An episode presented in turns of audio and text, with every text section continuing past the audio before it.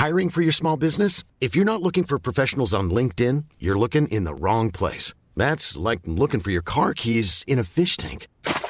LinkedIn helps you hire professionals you can't find anywhere else, even those who aren't actively searching for a new job but might be open to the perfect role. In a given month, over 70% of LinkedIn users don't even visit other leading job sites. So start looking in the right place. With LinkedIn, you can hire professionals like a professional. Post your free job on linkedin.com slash people today.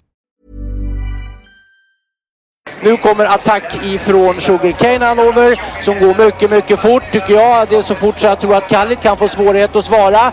Sugarcane Hanover vänder ut och in på fältet. Startbilen är i rörelse till Svensk Travderby 1987. What the horse, what the driver, nummer ett McLobel och John D. Campbell. Maharaja la Suède, Maharaja s'est retrouvé, le retour, le comeback de Maharaja le 17. Vid några tillfällen. Jag trodde att det var en av de bästa hästar jag hade tränat för jag tolkade det på olika vis. Du behöver inte misstolka det längre för det här är den bästa häst jag har kört och tränat någon gång. Me gusta, me gusta, me gusta! Un classico, no problem! Barenne, facile, alla me! Då är det tisdag igen och dags för ännu ett avsnitt av Trottosports podcast. Den vänsterextrema podden har vi fått reda på i veckan att vi är. Är det så? Ja. Det är konstigt det där. Och är man för... Eh, att det har blivit så. Att man, är, om man på något sätt står för mänsklighet så, så, så är man vänsterextrem. Det är intressant. Ja, det är väl hela svensk travsport är väl vänsterextrem då eftersom ST har det här, den här policyn. Ja, det det- måste ju vara oerhört väst, vänsterextremt. Det är ju ett skop så gott som något. Ja, ja. Ja, det blev ett eh, litet eh, halabaloo i alla fall efter... Eh, dels efter poddinspelningen, eller poddavsnittet förra veckan och dels efter min text. Eh, ja, det blev stökigt. Eller mycket i inkorgen i, i mejlen. Men... Ja, de, har eh, en, de har ju en väl inoljad eh, motor där eh, när man har synpunkter. Då går de igång. Det gör de. Verkligen. Triggas igång och det där sprider sig som frön för vinden. Det är lite, Och väldigt- lite väl- läskigt ja, faktiskt. Där. Det, det, att det är så hatiskt. Ja men alltså titta här nu bara de här timmarna efter, dagen efter att Stefan Löfven har aviserat sin avgång. Alltså hatet är ju horribelt. Alltså. Det är ju fullständigt, oavsett vilken människa vi pratar om. Det hade varit Kristersson. Alltså, så är det samma sak. Vad fan håller folk på med? Och det här ständiga tjatet om att han ska återgå till sin sitt svetsaggregat. Fan, är man helt... Alltså kan inte en vanlig människa bli par- partiledare och, eh, och statsminister i det här landet? Uppenbart tycker inte de här människorna det. Nej, det är en, en bister syn på svetsare kan man ju säga. Ja, på Om arbetare, alltså ja, på är- arbetare överhuvudtaget som har byggt detta land egentligen. Man reagerar ju på att det är en autopilot som slår igång också. Den här texten som du skrev Henrik, den handlar ju faktiskt... Den är ju väldigt tydligt skriven vad den faktiskt handlar om, men 99,9 procent av alla reaktioner handlar ju om något helt annat. Det är samma mantra som upprepas varje gång man yttrar en fråga om människors lika värde. Det, och det, det är ju tyvärr så det ser ut. Och det tycker man ju att oavsett politisk färg borde man ju tycka att det är lite dystert. Ja, lite läskigt som sagt. Och jag avundas inte kollegor som skriver om politik på diverse tidningar och eh, ja, ledarsidor. Det, det, de måste ha det. Stormen jämt liksom. Det, det är klart att det, man... Jag tar inte så hemskt eh, illa vid mig. Men, men, men bara, det att det, energin som det ändå tar. Ja, tråkigt. Eh, apropå det så ehm, man kan väl säga så här då om eh, läget efter den här veckan som har gått så verkar Åby inte intresserad av att eh, avyttra skylten som är aktuell på banan och eh, alla skyller på alla lite grann. Man kan ju ändå fråga sig att om eh, ja, vad det sker, visar på för signaler liksom om, om, om vi vill vara inbjudande mot eh, folk från andra länder och med annan eh, hudfärg och eh, med annan sexuell läggning. Det, det ger ju en, en signal liksom utåt som, som inte känns bra. Nej, och sen ST visar ju det här svaret som du fick ifrån Maria Kron också, visar ju att eh, man eh, väljer ju någon slags mellanmjölkspolicy där också från STs håll, så att man blir ju inget direkt stöd för travbanorna att luta sig mot heller när, när ytterligare förfrågningar kommer från, från alla partier. Det är ju, många har ju snöat in på att det skulle vara just Sverigedemokraterna som skulle vara det enda partiet, men skulle det komma partier, andra partier med samma åsikter så är det lika dåligt det när det kommer till människors lika värde. Det är ju det är det det handlar om. Det är det det handlar. Men det bommar ju, bommar ju folk och tror att det handlar om någon slags demokratisk rättighet att alla ska få annonsera på exempelvis en travbana. Det är ju inte riktigt det demokrati betyder. Verkligen. Inte. Rätten att annonsera. Det, det. det, redan de gamla grekerna höll inte på med annonser, an, vad heter annonser, utan de höll på med annat. Ja, tisdag som sagt och ikväll är det ju inte vilken tisdag som helst. Eller ikväll, men det är inte vilken tisdag som helst. För eh, vi har alltså uttagningar till finaste pärlan vi har i travsporten kanske. Svensk travderby. Derby, inte Derby. ja, just det. Derby. Kom fel direkt. Derby. Ja, det är klyschigt det där att den här, det brukar heta så att den där uttagningskvällen det är, det är egentligen årets bästa travdag. Här får man se alla topp 4-åringar. Men just ja. derbyuttagningarna kastar jag nog in den sägningen ändå faktiskt. Den är ju ljuvlig. Vad säger vi om kvalen? Som avgörs ikväll alltså.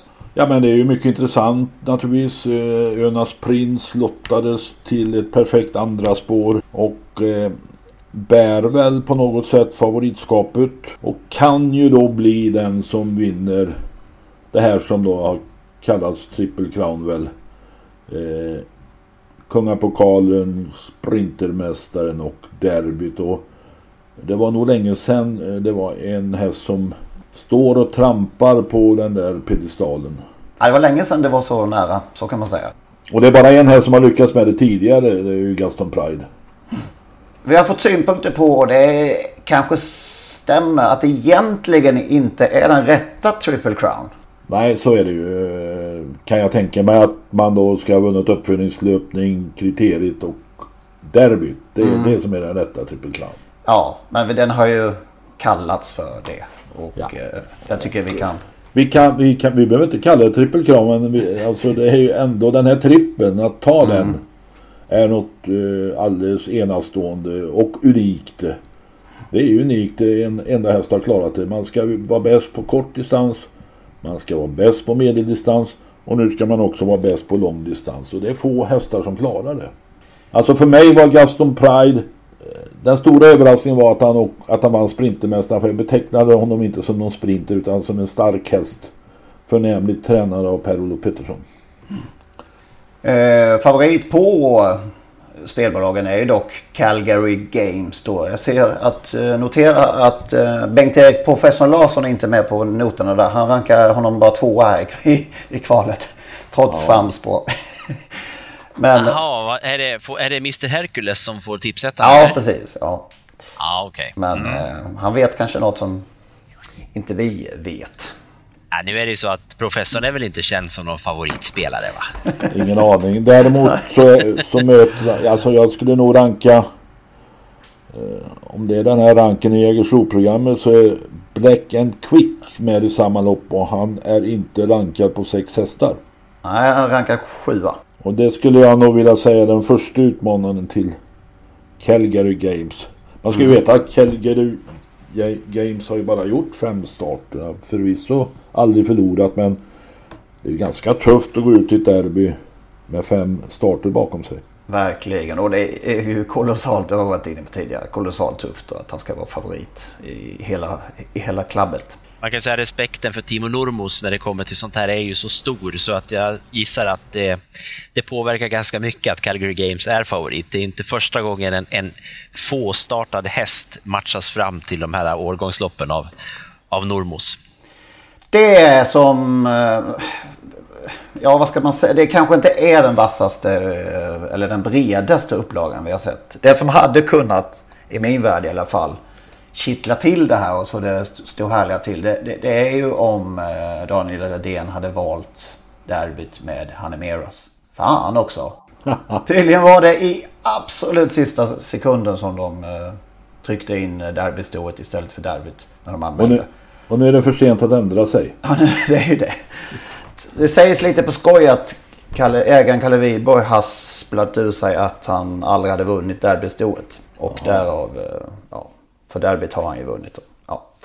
Jag vet Ja, inte. det Det- Låter, st- låter stenklart. Ja. Låter stenklart i derbystod. Ja. Kalle Wilborg äger alltså hästen. Eller är han bara uppfödare? Ja, det står Salsett som ägare.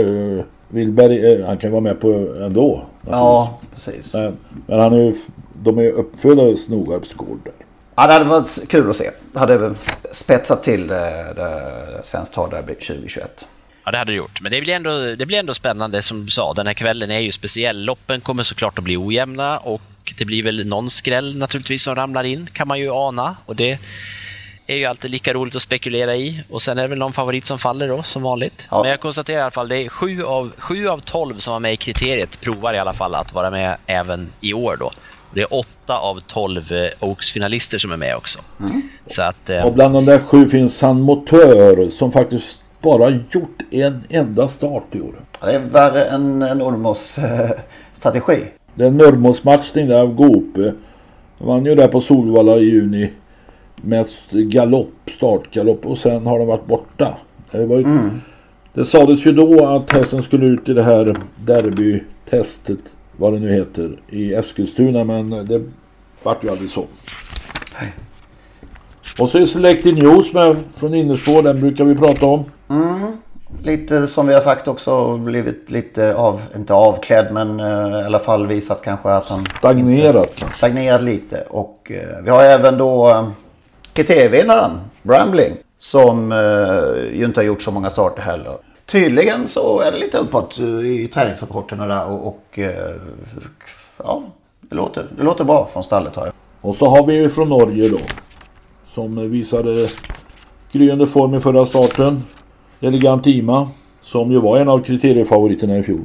Ja, och sen eh, så är det ju, när du sa det där med Brambling, kriterievinnare förra året, då, då brände det till lite i magen igen, för det är svårt att glömma fjolårets kriterier. Det är jag som trodde stenhårt på Henry Flyer Sisu, som ju var förbi en bit och jag tänkte nu är det klart, men han blev ju bara trea till slut. Men han tar revansch i derbyt, kanske. Troligen är ju ehm, Brambling dessutom ute i det kanske svagaste heatet. Ja, han hade otur i lotten, men, eh, alltså spårlotten, Mm. men eh, ganska mycket tur i lotten när det kommer till motstånd. Mm. Det får man ju säga. man säga. Så att, eh, jag tror att eh, Örjan redan nu vet hur han ska göra för att vinna det där loppet.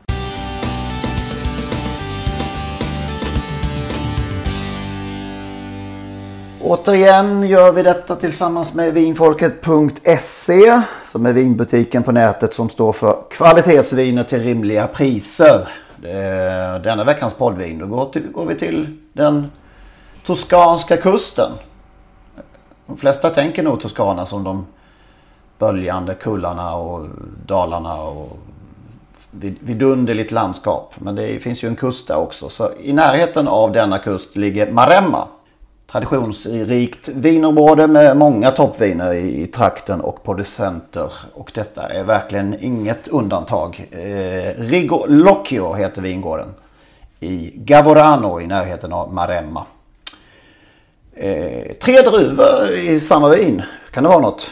En blend, är det blended? Heter det blended när det kommer till viner? Det gör det inte va? Nej, det är whisky nej, man säger blended. Nej, det, jag tror inte det. Cabernet Franc, Cabernet Sauvignon och Petit, Petit Verdot. Eh, En tredjedel av varje. Så eh, väldigt trevligt vin som passar till fisk och det passar till kött och det passar till pasta. Det mesta. Oj, allt. Passar till visst. allt. Ja, lätt. ja, det är väldigt trevligt. Annonser för detta vin hittar ni på trottosport.nu. Och vi tackar då vinfolket.se. Vad ska vi gå tillbaka till då? Ska vi börja med någon kortis om jubileumspokalen ändå? Jag ställer frågan så här. Var det en av de vassaste prestationerna på svensk travmark historiskt vi såg? Ja, det kanske man kan säga faktiskt. Det, alltså det var ju igen ett lopp vi hade oerhört stora förväntningar på. Som vi haft flera storlopp som har blivit pannkaka. Det här blev ju naturligtvis inte pannkaka men det blev två lopp. Det var en häst Ja, ensam på banan. De andra sprang och tävlade om andra priset en bit bakom. Och Eitos Kronos är nu som jag ser det utan tvekan Sveriges bästa häst. Alla kategorier. oj då drar det så långt. Ja, ge mig någon som skulle kunna vara bättre. Jag talar emot mig själv genom att först ställa den frågan och sen eh, visa min, min tveksamhet kring ditt påstående. Alltså nu, nu visar du Eitos Kronos också en startsnabbhet vi inte har sett förut. Och så lekande lätt eh, han vann. Alltså det var ju, ah, det var ju som man häpnade. Och det här är utan tvekan nu en häst som, som mycket väl kan gå vidare och eh, vara med och kriga om segern i Prix d'Amérique nästa år. Hur kan han inte ha vunnit något uh, av de allra största årgångsloppen? Man, man, man undrar ja, ju nu. Han har ju haft en, varit sölig från start och har väl haft lite stolpe ut. Eh, på Vincennes har han ju faktiskt vunnit ett lopp och var Där lallade ju, lallade ju Basir till det då. Ja, tre, ja det gjorde han ju ett lopp där och sen trea i Prix de France. Så att eh, hästen utvecklas ju hela tiden eh, som han såg ut nu. Vem ska slå honom i nästa, nästa gång han visar sig?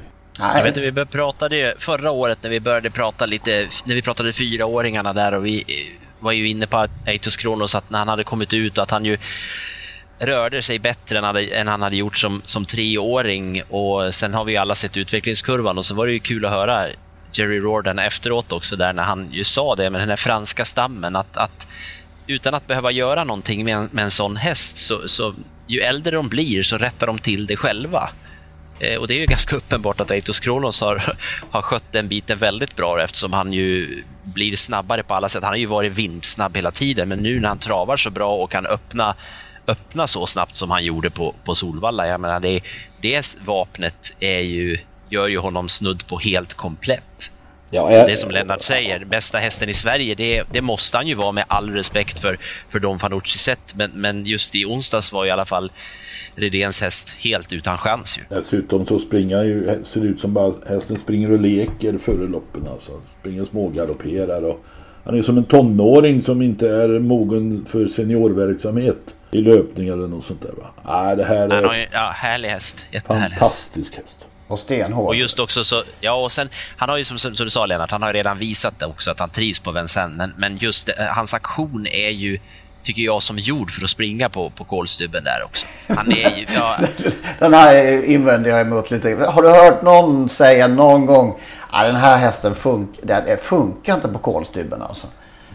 Den kommer inte att passa. Den kommer inte att passa. Det finns inte en chans att den passar på kolstubben. Nej, det, ja, jo, nog har man, väl, har man väl hört det. Nej, det, det, det vill jag... Får jag googla syn, och titta. Syn på det, säger jag. Ja. jag är mycket, Nej, men... Nu åker jag ner här och jag är mycket orolig för att han inte ska passa på kolstyben. Oh. Ja, men nog har man väl hört om, nog har det väl funnits tränare om alltså, som har sagt att ju... han inte passade på det. Det tycker ja, jag. i efterhand, efterhand möjligen, men på förhand. Ja, kolstyben är ju kolstyben, men nej, det var förhand. när kolstyben blir riktigt grinig, när det är vatten och regn och snö, då är kolstyben inget rolig och då kanske det är så att man, nej fy fan. ja, eh, Sören Nordin hade någon häst, någon av sina stjärnor som var testade på kolstyben. Kanske inte var kolstubehora. Men han ville aldrig åka dit mera för det var bedrövligt tyckte han. Mm. Det, alltså jag skulle vilja säga att det var ju kul faktiskt. Ja, kul. Magnus Djuse äntligen lyckades i ett stort lopp med den här hästen. Han, han har ju haft lite oflyt och vart sådär petad eh, mer eller mindre. Och han var ju egentligen petad, eller petad, han var ju inte första valet i, i onsdags heller utan det var ju Johan Untersteiner. Men eh, ja. du hade ju synpunkter på det vintras Henrik att, att du tyckte det var ett svek av Riordan att uh, sätta upp franska kuskar. Ja, svek, men det var lite färglöst tyckte jag väl att det var. Att det kunde väl gott fått chansen att skaffa sig den där rutinen. Det var väl speciellt något lopp som inte var livsviktigt har jag för mig. Men eh, ja, ja. Eh, nej, nej. Jo, nej, jag tänker på det just ändå att Jerry Rordan, han är ju i alla fall konsekvent. Inte ens när han i segerintervjun i, i studion efteråt står där liksom med, med segerns sötma och lite eufori och sådär. Inte ens då kan han låta bli att vara precis klockrent tydlig vad gällde Magnus Djuse där. Varför han inte fick, fick köra och att, som Lennart säger, att han var inte mitt första val. Det var liksom, det var, det var fortfarande, det fanns liksom det där, mm, någonting mer i, i, i det han sa, men, men eh, men han var också tydlig med att Björn Goop var ju inte heller hans näst... Han kunde, Björn Goop var ju ledig, men det var ju inte hans andrahandsval. Så att det, Ljuse var ju andra ändå, men det var... Ja. Ja. Ehm, du sa att Aetos Kronos rättar till sig av sig självt. En som inte gör det är ju Hail Mary. Nej. Nej, han, försö han försöker nog rätta till sig så gott det går, men han, han klarar inte det riktigt. Nej, och det var ju som sagt ingen överraskning eh, för er som lyssnade på förra veckans avsnitt. Och tidigare än så så har vi ju varit oroliga för Hail Marys eh, status helt enkelt. Det märkliga är ju ändå att han, att han nästan blev favorit i det här loppet. Nej, uff, det, det, det är det mest ofattbara. Jag läste tips, tips eh, i min tidning DN där som liksom menar att ja, att Berg var väldigt, väldigt nöjd efter starten innan där så att han trodde absolut att han skulle vara i toppform. Men tittar de aldrig själva på travloppet? Nej, jag vet inte det. Eh, Jag tror fan att Berg säger att han är nöjd. Han, han ger ju inte bort någonting i ett lopp. Han har sagt efter varje start i år har han ju sagt att, att han är jättenöjd.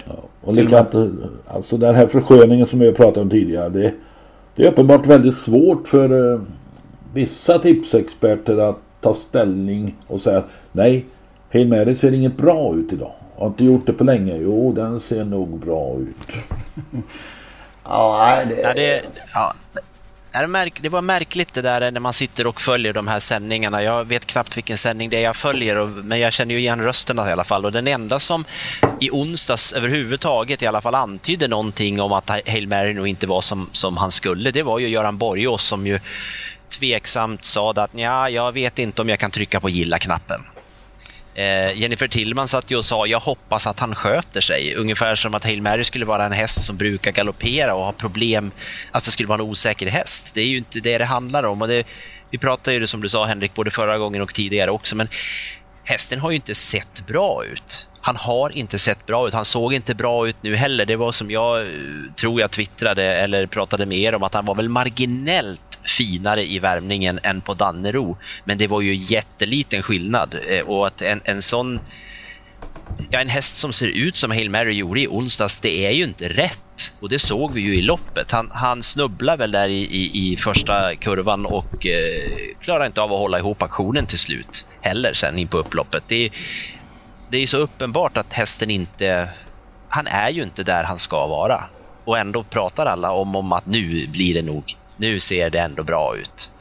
Det är, kon det är konstigt. Nu har det ingen betydelse för det fanns ju en häst i loppet som var outstanding men det var ju också... Det blev ju rumphugget. Hail Mary galopperade, Admirals, Admiral As galopperade tidigt, Axel Ros galopperade tidigt. Gasmeras galopperade väl till slut om jag minns rätt. Upstate Face galopperade till slut. Ja, och sen Ja, det fanns inte så mycket kvar. Två, två eh, flopplopp på det viset i, i rad här nu av, av de stora slagen efter första stora. Och Tre. vilken, eh, ja Åberg såklart ja. ja. Just det, det har jag glömt. Det var ju det värsta kanske. Men Det är svårt med loppet på det sättet. Det är klart, vi, vi pratade ju i alla fall lika mycket om loppet innan som vi... Det, det är svårt det där, så blir det som det blir. Att någon som Admiral As, det är inte jättelätt för, för Mats Djuse att få, få chansen att sitta upp bakom en häst som ju faktiskt har haft en hel del dumheter för sig med galopper. Och Örjan kanske någonstans då har, har hittat ett sätt att, att eh, köra Admiral As på och nu fick Mats Djuse chansen. och Han hade kanske också behövt fått träna lite först, för att Admiral As är ju det är ingen häst som jag ens skulle vilja prova att köra i alla fall. Det verkar Nej, ju vi är väldigt svårt att ytterst prata med honom. tacksamma för detta. Lite konstigt att, eh, bara, lite konstigt apropå Admiral och As att eh, Ulf Olsson bara försvann eh, vid årsskiftet. Han var ju Ja. ordinarie kusk under förra säsongen. Så är det. Han Ja, väljer är det. sina kuskar. Ja. Eh, En sak till från onsdagstävlingen var ju den här. Som vi sa innan. Att de här stona ska tävla om en miljon i första pris. Det var ju märkligt. Och konstiga uttagningar kanske. Men det var ändå på något sätt en, en vinnare som värmde och som gick rakt in i hjärtat. Den här Miracle Tie naturligtvis. Som Ja, ju då ja. tidigare tränades av Trond Andersen som gick bort. Eh, Så att eh, på något sätt om någon miljon skulle hamna någonstans så hamnar den på rätt ställe. Det gjorde den definitivt. Sen var det E3 final och eh, Per Nordström har alla stjärnor med sig den här, eh, det här året. Blir han... Eh, kan, kan någon hota nu om att bli årets tränare? Det blir tveksamt. Ja, det är ju derbyt kvar, det är kriteriet kvar. Ja, det är de två och någon annan måste nog vinna. Någon annan måste nog vinna båda dem. Ja. Är jag inne på. Och då är ju möjligheten ganska stor att att Per Nordström vinner derbyt. Själv ja, ja visst. Eh, nu, nu fick han till och med segern där trots att han var slagen i storfinalen ju. Ja. Och trots att hans häst som jag upplevde travade sämre än den som galopperade. Men man ska ha rätt flyt, rätt tur och det hade Nordström. Eh, hingstarnas, eh, där vann han ju på ett reg, ja, regelrätt var väl han också men på ett stabilare sätt. Här hade han lite tur. Mm. Ja, han har onekligen hittat rätt med sin Filosofi och sin eh, verksamhet. Det är ju fantastiskt. Francesco Zet, tvåa efter... Konstig, konstigt intryck. Jag vet inte om det berodde på banan som många klagade på under, under dagen där eller om det var något annat. Det var en intressant iakttagelse där av, av någon. Eh, efter att hästen hade sett dålig ut i värmning och galopperat i provstarten så beordrade ju Redén eh, stall...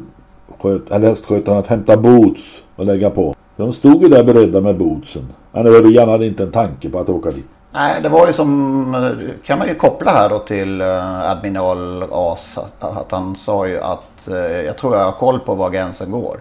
Ja. Så att uh, där har man ju fördelen då med att ha samma kusk varenda gång. Sen var ju hästen kanske inte som bäst den här dagen. Nej, så var det nog. Nej, det var ju en enorm skillnad i, om man, det var som jag pratade om senast, där, det här med hur, hur Örjan eh, körde hästen i eh, uttagningsloppet och hur, hur Örjan körde hästen på det här, i det här loppet på Solvalla där han ju knappt gick framåt. Det var ju lite samma sak den här gången, även om han ju gick betydligt bättre framåt så fick ju Örjan jobba med hästen den här gången. På Romme satt han ju bara och höll i sig och tittade på vad alla andra gjorde så att han inte skulle vare sig köra för sent eller för tidigt. Det var, mm. Intrycket var ju väldigt annorlunda och, och det var ju Örjan tydlig med också att det var ju inte samma häst som i uttagningen. Det var ju inte det. Och man fattar ju vilken kapacitet den här hästen har. För Han var ju dunderslagen runt slutsvängen och sen så kommer han tillbaka och blir tvåa i alla fall. Så, det är tufft det där med ett par veckor mellan loppen. Alltså. Det, är, det är få som står pall. Följde ni Earl Beale Junior Memorial då? På, Nej. Var, var det på lördagskvällen i svensk tid va? Ja, det missade jag. Pocono Jag har sett det i efterhand. Kan, eh, du utnämnde ju honom till den bästa häst du någonsin har sett typ. Sa jag så? Ja, jag tror ja. det. Vilken, vem, vinner, vem, vinner, mellan den och uh, Aetos Kronos? Orasi. Nej, Nej men... ja, det är svårt att säga. Aetos Kronos kanske är bättre idag. Men... Du, du tog i något väldigt här. Sa jag så verkligen? Ja. Sa han inte det Magnus? Ja, jag minns ju faktiskt, jag ska säga till Lennarts försvar, eller jag, jag, vet inte ordagrant om det var det eller om det var den mest imponerande Hamiltonian-vinnaren. Eh, det, jag ska låta det vara osagt. Jag, ska, jag, jag redigerar in ett klipp här från, uh, från det avsnittet. Det kommer här. Man ser ju på den här hästen att, att det är en utav allra bästa hästar jag sett. Får vi se. Ja, får vi se vad det blir för avslöjande. det är bara lyssnarna som vet svaret ja, här. Exakt. ja, det var i alla fall enkel seger igen va? Ja, det är en jäkla... Det driver när han springer. Med sitt eh, paradtrav som, som Magnus eh, beskrev det som.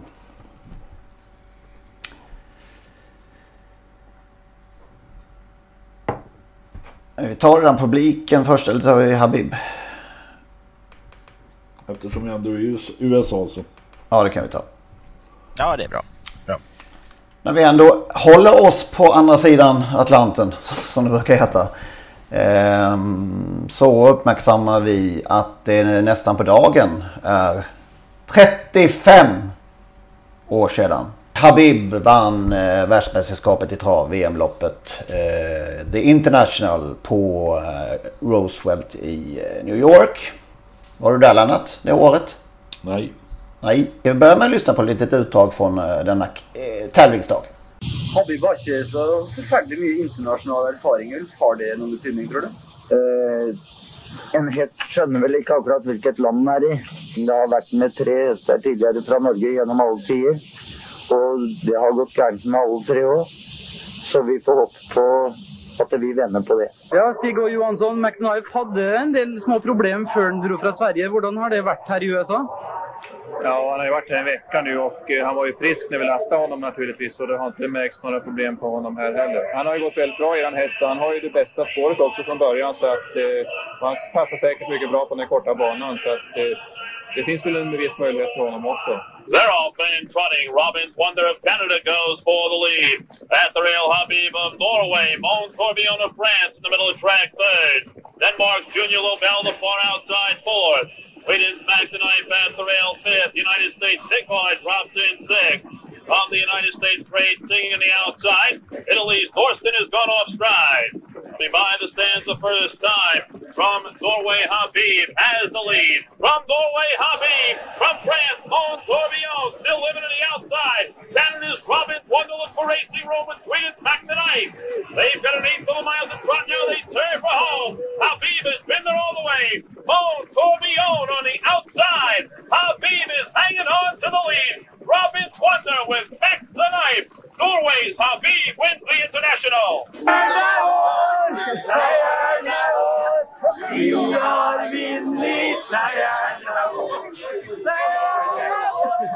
Ja, hesten vant veldig lett. Jeg fikk løpet sånn som jeg ønska det. Jeg fikk dirigere tempo. Jeg fikk den franske hesten utapå. Jeg hadde McKnife annenpar utvendig og den, eh, den eh, kanadiske hesten i ryggen. Den til Filion eh, gikk en runde og toppløp igjen, og det så jeg tok imot når hun ga den et reddespor.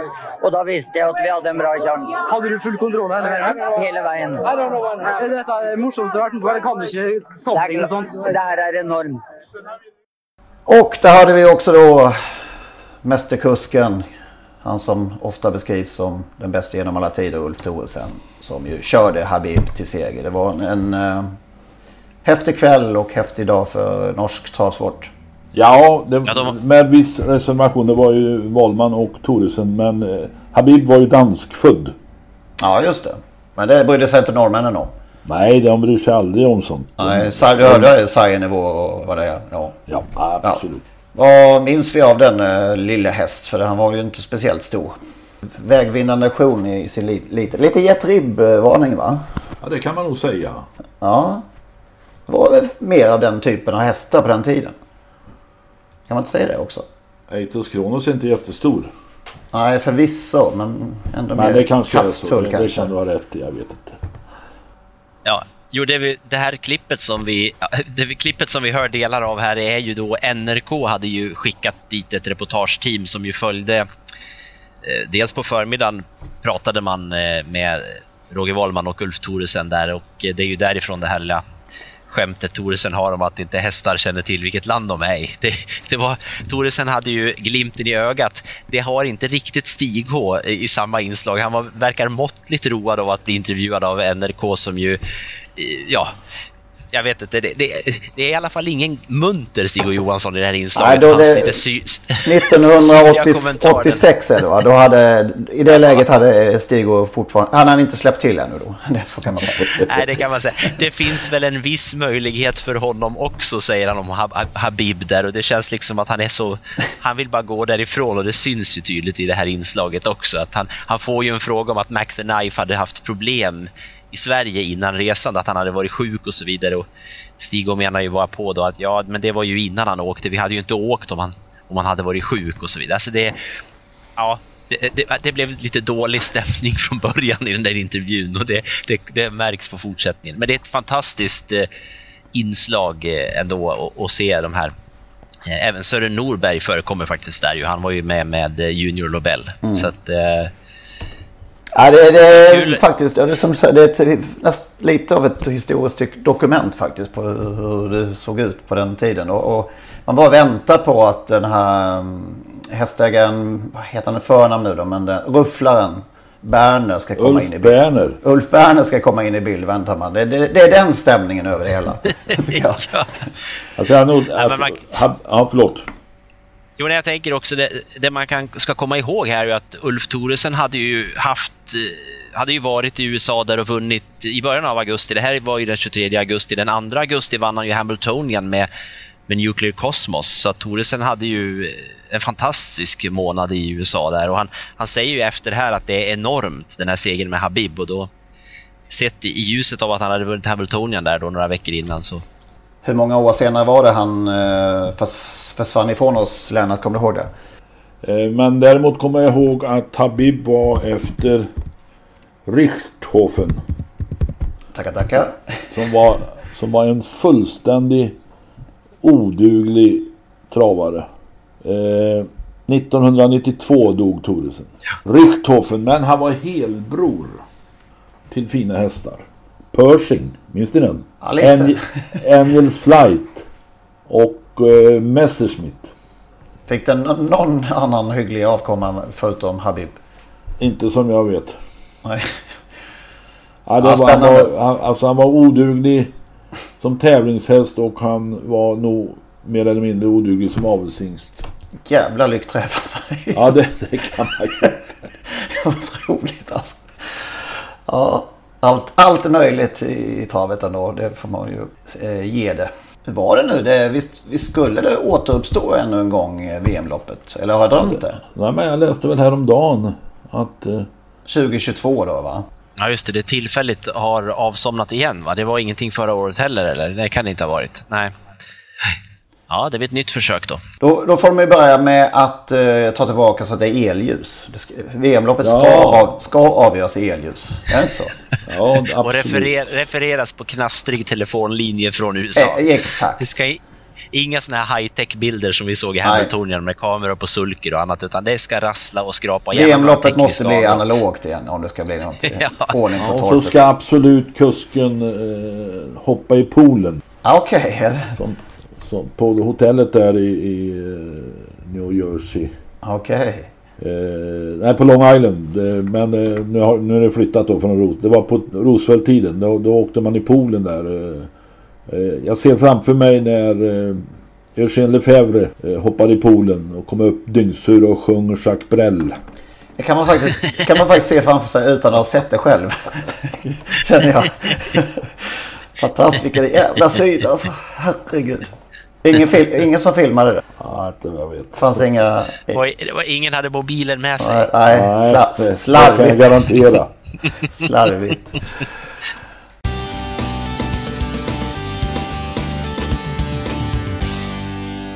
Vi pratade förra veckan om uh, uteblivna publiksiffror men uh, vi fick lite bassning här av uh, bland annat Mattias Gustafsson, sportchef i Gävle. Att de hade minsann uh, redovisat och det har de. Har du koll där eh, Magnus? Det var ju du som bommade det detta. Ja, exakt. Ja, det, det var någonstans här i slutet på juli eh, meddelade Mattias Gustafsson och eh, även Mattias Stenby i Östersund berättar ju att de räknar publik. Så att det har ju pågått publikräkning på de två banorna då åtminstone sedan en knapp månad tillbaka. Då. Så vi kunde i alla fall se att det var 600 personer på Gävle i lördags. Därmed lapp, Och det är väl lapp, så. lapp på luckan därmed ju. Ja, det bör det väl ha varit. Det får man ju tro. Eh, och eh, för framtida publikstatistik kommer det naturligtvis inte att se så bra ut med bara 600, men det ju, spelar inte så stor roll som jag sa förra veckan. Ja, det är väl var mer det intressant. max? Det var väl max 600? Så att, eh, Jo, men det förutsätter jag. Annars tror jag inte man hade landat på det jämna 00-talet där heller, utan det, det, det låter nog rimligt. Och så fick vi också veta att man räknar ju inte in personer som går in på restaurangen, för det ses då som en på något sätt i dessa eh, covid-tider så är väl det en separat redovisning då. För restaurangverksamhet är inte idrottsevenemangsverksamhet. Precis. Så det, det är väl bra att det är några som, som officiellt talar om hur många de räknar ihop att det går in i alla fall. Då. Så får vi se om det övriga följer efter. Borde ju vara en självklarhet kan man tycka. Det kan man tycka, ja. De börjar tunnas ur nu, an, ja, storloppen för den äldre eliten. Ehm, det är väl det sista riktigt stora på lördag va? Eller har Ja, ni jag S- något? SM kvar kanske? SM har vi kvar, men är det väl- väl inte uppe i en miljon va? Nej, inte om du pratar om miljonlopp. Nej, och det är det ju då på lördag. Det är nu man börjar känna lite grann att man ser samma hästar för tolfte gången mötas. Eh, Ganska likt startfält, även om det var starkt. Ja, de är ju... Är det Verry Kronos tur nu då? Ja, jag är tveksam ändå. Det, man- det är ju återigen det med Ha- Hail Marys spåret att eh, nu det är inte alls i den, i den, på den Nej, nu nivån. var det men- jävligt orättvist tycker jag. Ja, men den har inte sett. Vi har ju ändå varit inne på att den inte har sett Nej. helt perfekt ut under året. Nej, precis. Det är ju inte i närheten av eh, jämförbart, men, men som sagt, även Verikronos har sett bättre ut än vad han har gjort i år. Det har vi ju konstaterat. Han vann ju spårlotten jämfört med sina konkurrenter kanske. Ja, det gjorde han ju. Milligan School hade ju inte tur den här gången. Utan Heller. även om det blev ett framspår så, så känns det ändå lite... Känns det väl ändå lite sådär, va? Men samtidigt har man ju, jag vet inte, efter de här två senaste insatserna, man ju, vem, ja, vem ska stå emot? Nej, så, så är det ju också. Och, Han bara eh, kör igen kanske.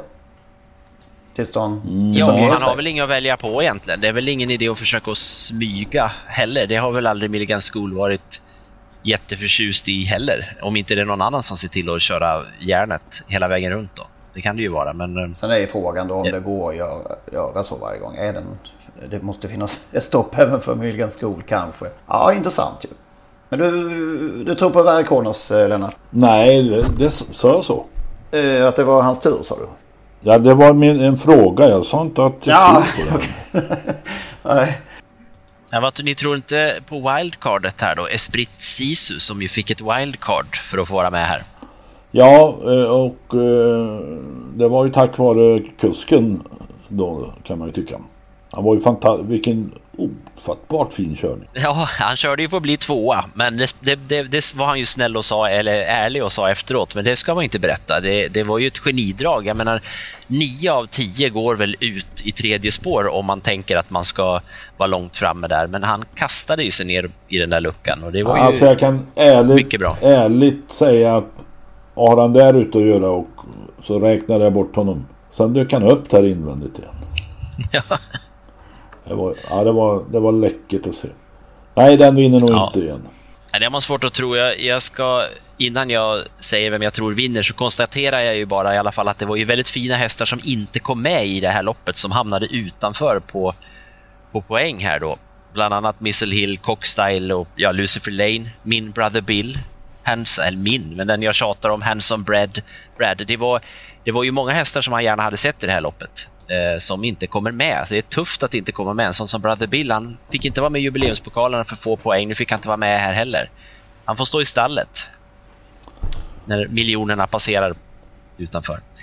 Han får, ut, han får gå ut i Birger Bengtssons minneslopp nästa lördag. Där, där kommer han nog med. Ja, det är bra. Då har vi en klar där då. Nej, men vem som vinner? Jag vet, alltså... Eh, jag vet inte det jag... Eh, när jag såg det här loppet eh, och framförallt efter spårlottningen där så väl medveten om att Garrett Bocco inte alls har visat riktigt kanske det där på slutet, men jag vill ändå tänka så här att när Jerry Jordan väljer att starta Garrett Bocco så tror jag ju, han har ju vilat en månad nu eh, när det här loppet körs. Då är jag inne på att, att han kan bli, om man ska säga, kanske inte att Aitos Kronos var bortglömd i onsdags, men han gav ju ändå sex gånger på vinnarspelet, Aitos Kronos, som vi pratade om som en potentiell vinnarkandidat i Elitloppet. Eh, jag tror att Garrett Bocco blir ganska bortglömd den här veckan också. Det har du Därför är säkert väldigt rätt i att han blir. och det kanske är helt rätt. Spelarna kanske har helt rätt och jag har helt fel. Men jag fick en feeling när jag såg det här och att det, som sagt, Milligan School hamnade ute längst ut bakom vingen där och en Very Kronos som vi är tveksamma till. Who's Who. Det är klart att är han som han ska så är det naturligtvis en toppchans för honom nu när han fick bricka fyra. Men jag vill ändå lyfta ett, ett varningen, det berömda varningsfingret för, för eh, firma Re- Ljuse här. Eh, Garrett Bocco, vi pratar ju också om honom som en tänkbar Elitloppsvinnare. Eh, det är lätt att man glömmer bort dem helt plötsligt sådär bara och sen så... Så är det. Man ska vara före. Man Eh, ska vara tur. vet. Ja, just det. Så är det. Apropå, vi pratade om SM där. Det är, det är 500 000 i första pris. Men samma dag avgörs, men det är inte för den äldre eliten. Eh, Europaderbyts final på Åby med 2 miljoner till vinnaren. Är det på Åby i år? Det har jag helt gått mig förbi faktiskt. Det var därför jag tänkte upplysa er om detta. Ja, det var ju perfekt ju. Nej, ja. VT Grand Prix och vem ska slå Eitos Kronos där då? Ja, där får han väl inte vara med. Va? Varför får han inte vara med där då? Europaderbyt? Ja, Sa du det? Är det för fyraåringar väl? ja det är det ju. Det har du rätt i. jag satt och tänkte om det var något UET-lopp för, Ja, jag femåringar som jag har missat tänkte- här, så jag vill inte säga något. Men Tänker ja, fel. pratar vi derby Ja. så. Det, är lätt, det är lätt att komma fel. Ja, det, Det finns så mycket lopp. Ja, ja just det. Men det finns faktiskt där också då European Championships femåringar På denna Åby-dag. med 500 000 i första pris. Det blir en toppendag i höst eh, när det börjar höstruska. Ja. Garanterat i regn också i Mölndal. Tror man. V75 i övrigt då? Ja, vi pratar ju svenskt, om vi ska hänga kvar där, vi är här med svenskt mästerskap som är snart på Åby då, men, men eh, vi har ju svenskt mästerskap för kallblod och då kommer ju Månlycke AM ut igen. Han fick också bricka 8, precis som Milligan School, men eh, det är väl svårt att se att det skulle ha någon betydelse. Ja, det hör man väl precis. Det, det är väl ingenting emot i princip va? Eller? Nej, det är ju de, det är som vanligt. Det är samma gamla vanliga hästar han får möta, bortsett från att han, inte, han slipper ju no, norska hästar då. Eftersom det är SM. Ja. Och det, det gör ju ingenting eftersom det är från Norge hans värsta konkurrent kommer. Så att eh, det känns väl som att Gunnar Melander ska kunna eh, ta ytterligare ett SM-tecken. Och jag vet inte, Lennart, har du koll på hur många SM, SM-guld Månlycke har? Det har faktiskt inte jag. Nej, det har jag faktiskt inte. Men det kan inte vara med ett par stycken. Var det inte första i fjol? Ja, då är det ett i så fall. Det kanske det var. Ja, han, är, han är ung i, i sin segerrad. Det är ju Månprinsen AM5 som är Nej, Gunnar har ju vunnit med Månprinsen några gånger och så vidare. Och Lappnils vann väl också på sin tid va? Ställbarr ett par gånger. Ja, just det, Ställbarr. Ja, då körde Mikael ja. Melander. Och Lappnils förstås. Ja, ja. ja. Några kantbollar i övrigt då eh, i omgången?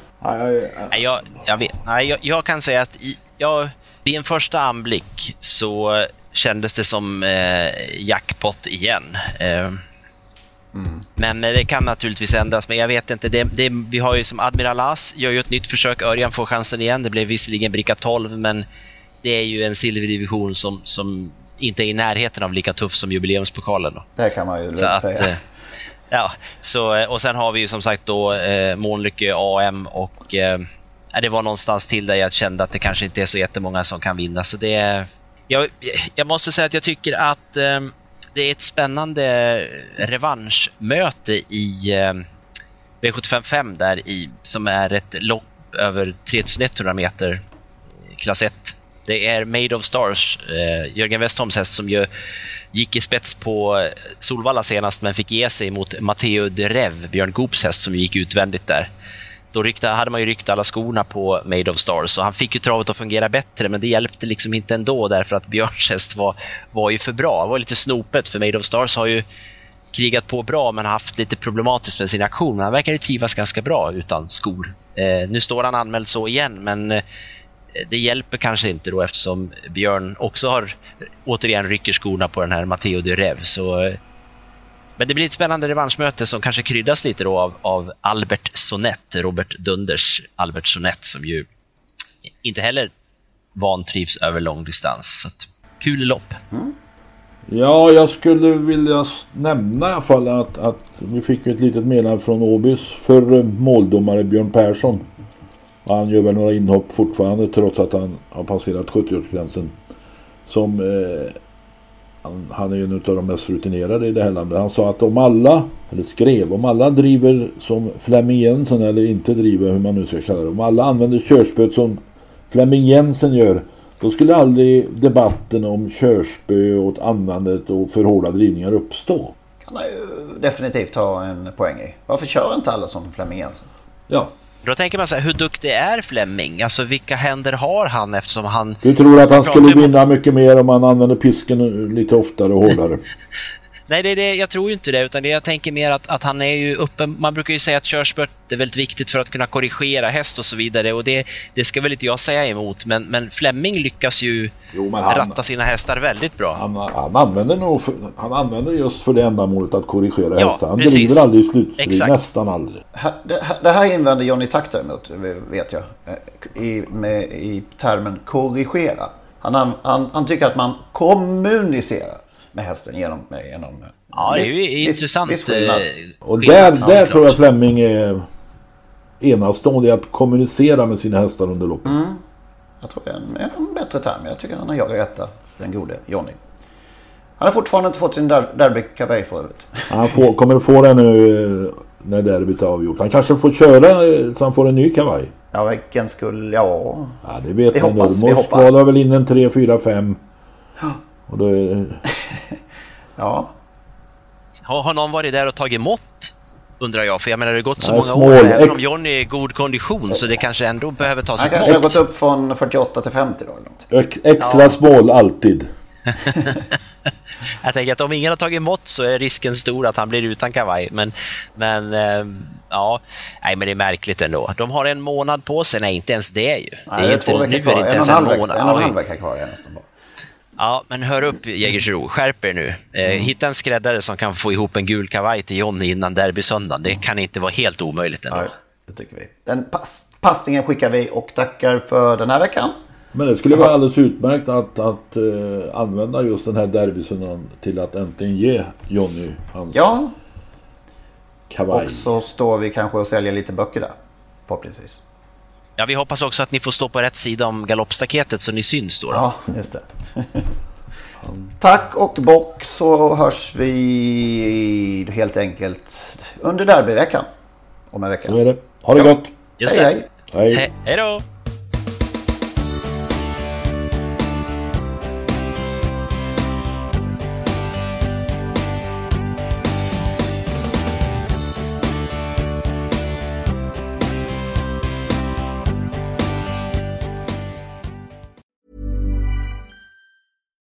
Normally, being a little extra can be a bit much, but when it comes to healthcare, it pays to be extra.